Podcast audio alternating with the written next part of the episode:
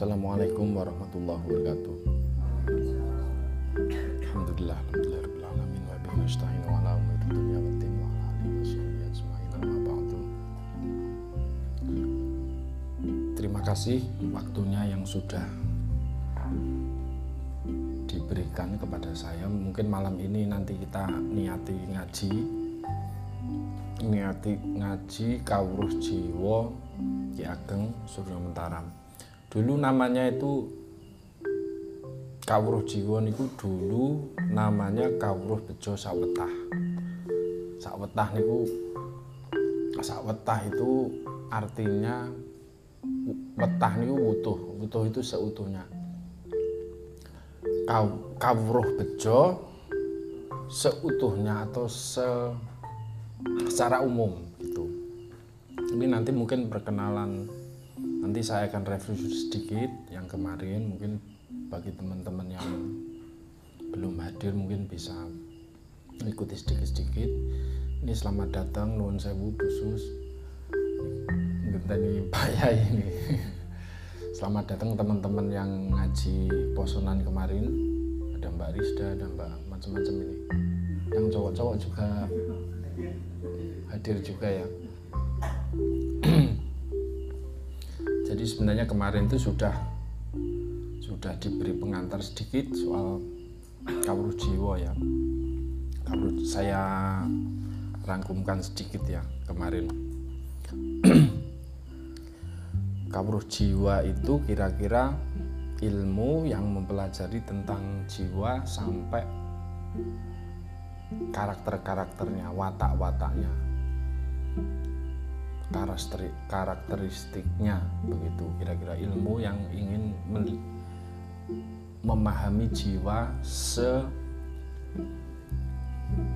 secara tabiatnya begitu kira-kira begitu ya. Nah, karena jiwa itu kan konsep yang yang umum ya.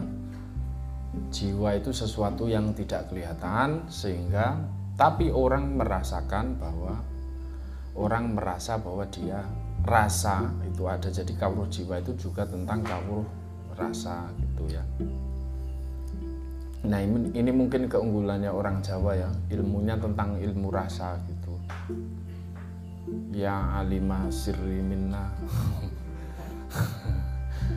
Jadi ini kalau bahasa Arabnya kira-kira rasa itu sir gitu. Nanti di dalam tadi ada ya ulul albab gitu ya jadi nanti di dalam loop itu nanti ada sir gitu, ada rasa yang paling dalam dari kita. Cuma nanti ini Ki Ageng tidak akan membahas soal rasa yang dalam-dalam. Ki Ageng hanya akan membahas rasa yang rasa yang dialami semua orang, sakit, marah, jengkel, malu, risih, ya yang yang cetek-cetek saja. Dulu kalau ilmu yang lama itu ilmunya yang rasa yang dalam-dalam nah Ki Ageng mencoba kawruh jiwa ini tentang kawruh rasa tapi rasa yang yang cedek-cedek saja rasa marah, rasa mangkel, rasa rasa malu, rasa terganggu, rasa rasa ingin dan lain sebagainya. Jadi kira-kira yang yang cedek-cedek saja.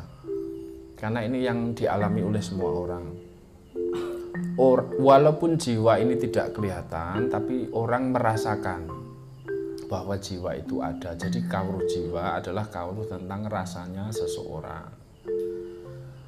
Itu yang pertama. Yang kedua kawruh jiwa ini saya ringkaskan.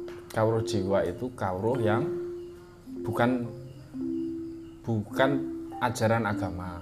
Satu. Jadi ini bukan pertama ajaran agama kedua bukan ajaran normatif jadi ini bukan saran moral. Kawruh jiwa itu bukan ajaran tentang kamu harus begini, kamu tidak boleh begitu, tidak. Ini seluruhnya kawruh yang hanya ingin mengenali jiwa manusia dari segi wataknya. Yang objektif, yang bisa terjadi di mana pun, di belahan dunia mana pun, karakternya pasti sama. Kira-kira begitu ya. Jadi satu, bukan dia bukan pengetahuan normatif. Dia bukan ajaran agama. Sehingga kalaupun nanti ada saran-saran tertentu dari kawruh jiwa itu dia saran bersifat objektif. Seperti misalnya kalau anda lapar ya minumlah. Kalau anda tidak minum ya nggak apa-apa tapi tanggung sendiri rasanya secara objektif. Kira-kira begitu. Jadi ini bukan kawruh tentang ajaran normatif ini ilmu makanya disebut sebagai kawruh dia Ki Ageng itu membedakan antara ilmu dan kawruh. Kawruh itu ya sesuatu yang diwerui saja, yang bisa dilihat sendiri, bisa dirasakan sendiri. Kalau kalau ilmu kan konotasinya yang lama, ilmu di Jawa Islam zamannya Wali sampai Ronggo Warsito itu ilmu itu sesuatu yang kadang menjangkau realitas-realitas yang lapis-lapis kenyataan yang lebih dalam. Nah, kawruh jiwa tidak urusan dengan itu. Dia hanya menjangkau sesuatu yang bisa diwerui sendiri maupun dirasakan sendiri. Itu ya. Nah kawruh jiwa bukan untuk kalau anda ingin belajar kawruh jiwa agar kaya agar munggah pangkat agar anda anda anda jadi pejabat itu pasti kecelek karena kawruh jiwa, jiwa hanya ingin dengan cara mengenali jiwanya, mengenali rasanya, dia bisa bahagia. Bahagia yang tanpa tanpa papan, tanpa papan, tanpa zaman, tanpa kawan Jadi dia tidak perlu syarat apa pun yang datang dari luar. Bahagia itu sebenarnya. Bahagia itu keadaan hati yang itu bisa diciptakan tanpa tergantung tempat, waktu maupun keadaan. Kira-kira itu ya, catatannya begitu. Apa yang dimulai dari kawruh jiwa, mengenali jiwanya sendiri, rasanya sendiri, bukan rasanya orang lain. Bukan rasa yang tidak bisa kita jangkau, tapi mengenali rasanya sendiri. Nanti akan ada jika pengenalan rasa kita itu benar, nanti lama-lama kita akan bisa merasakan rasanya orang lain. Tapi harus dimulai dari diri sendiri mengenali rasanya sendiri sekarang ini dan bukan yang kemarin-kemarin yang kita rasakan hari ini saiki dalam keadaan kayak gini saiki ngene kene Kawruh jiwa berusaha ilmu yang mengenali jiwanya, rasanya seseorang saiki ngene kene. Kira-kira gitu. Nah, dalam usaha mengenali rasanya sendiri, itu biasanya orang ketutupan aling-aling atau penutup gitu yang kadang membuat dia nggak bisa mengenali rasanya sendiri. Apa aling-alingnya itu apa penutupnya itu apa hijabnya itu adalah tempelan tegas. Makna yang ditempelkan secara semena oleh subjek. Kemarin kan sudah saya contohkan kita misalnya memahami rasa marah kita terhadap anak kita yang nggak naik kelas. Tegasnya saya marah itu supaya anak saya supaya becik. Anak saya biar baik.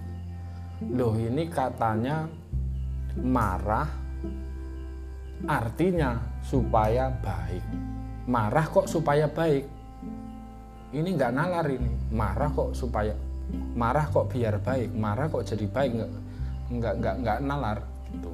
Kalau marah itu membuat baik banyak orang nanti yang sergap pergi ke pasar dan marah di depan orang banyak. Lah kan biar baik ya ini nggak jadi nggak rasional. Jadi mesti itu maknanya yang ditempelkan terhadap mengenali rasanya marah tadi mesti salah karena nggak nalar.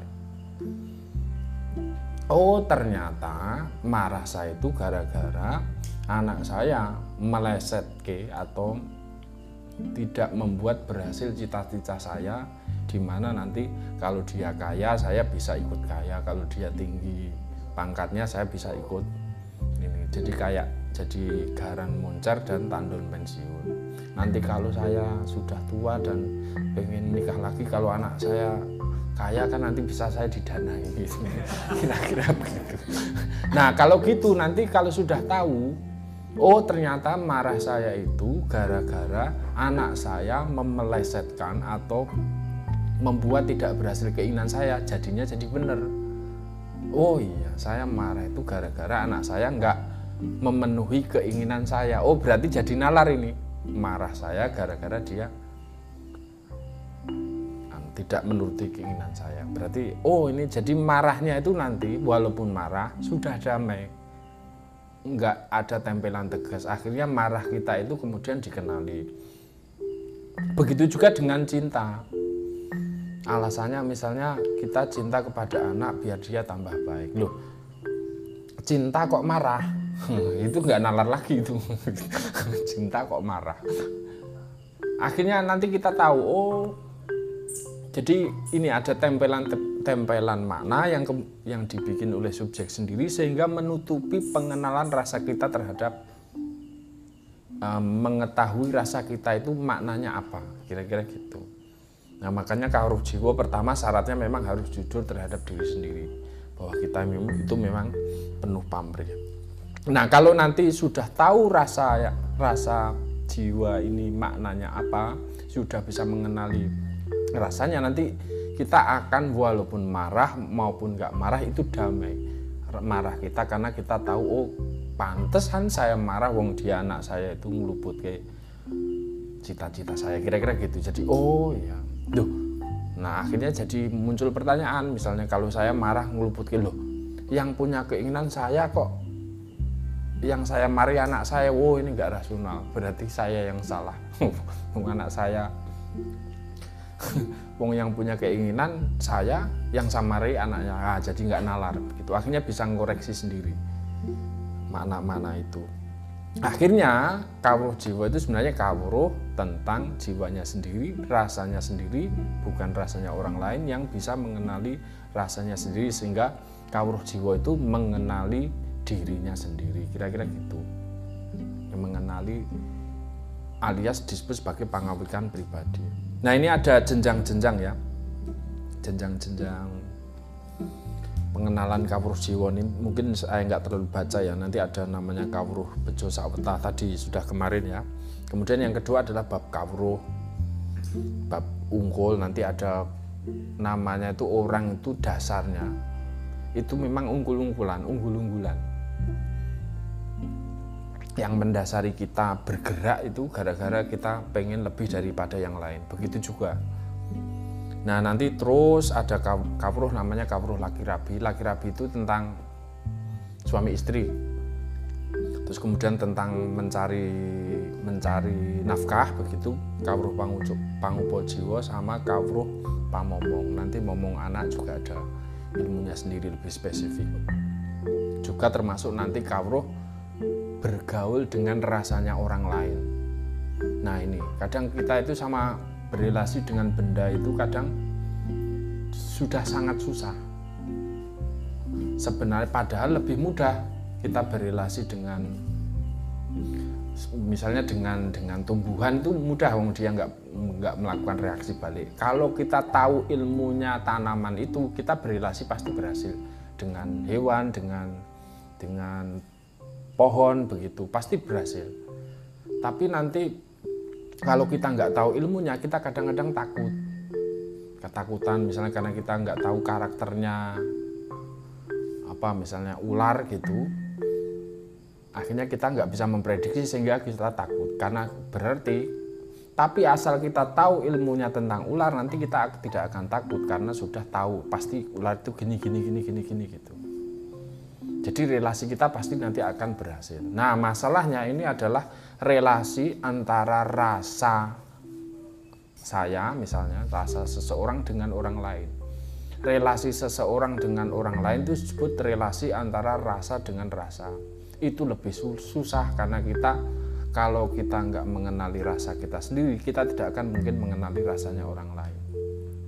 Nanti rasa di sana ada karep, kita juga ada karep Nah, karep kita ketemu dengan karepnya orang lain. Crash, kira-kira gitu. Nah, orang kalau sudah memahami rasa nanti dalam bergaul pasti bisa selaras seiring. Jadi seluruh pertengkaran, seluruh perselisihan itu gara-gara tidak memahami rasanya orang lain. Persis juga dengan pacaran, pernikahan itu ya sama. Karena kita nggak mengenali rasanya orang lain, akhirnya kita salah tidak selaras, tidak harmonis begitu ya dengan rasanya orang lain. Nah, bab pertama di Kawruh Jiwa ini belajar mengenali rasanya sendiri karena ternyata rasanya orang lain itu plek dengan rasa kita. Kira-kira gitu. Jadi ini fondasi awal. Kalau kita tahu rasanya kita secara apa benar gitu, kita akan bisa mengenali rasanya orang lain yang plek sama dengan persis dengan kita. Nanti ada ada ininya lagi. Ini tapi mohon maaf ini pelan-pelan karena kawruh jiwa itu harus tahap-tahap gitu loh. Pengandian pengandiannya harus dibabar pelan-pelan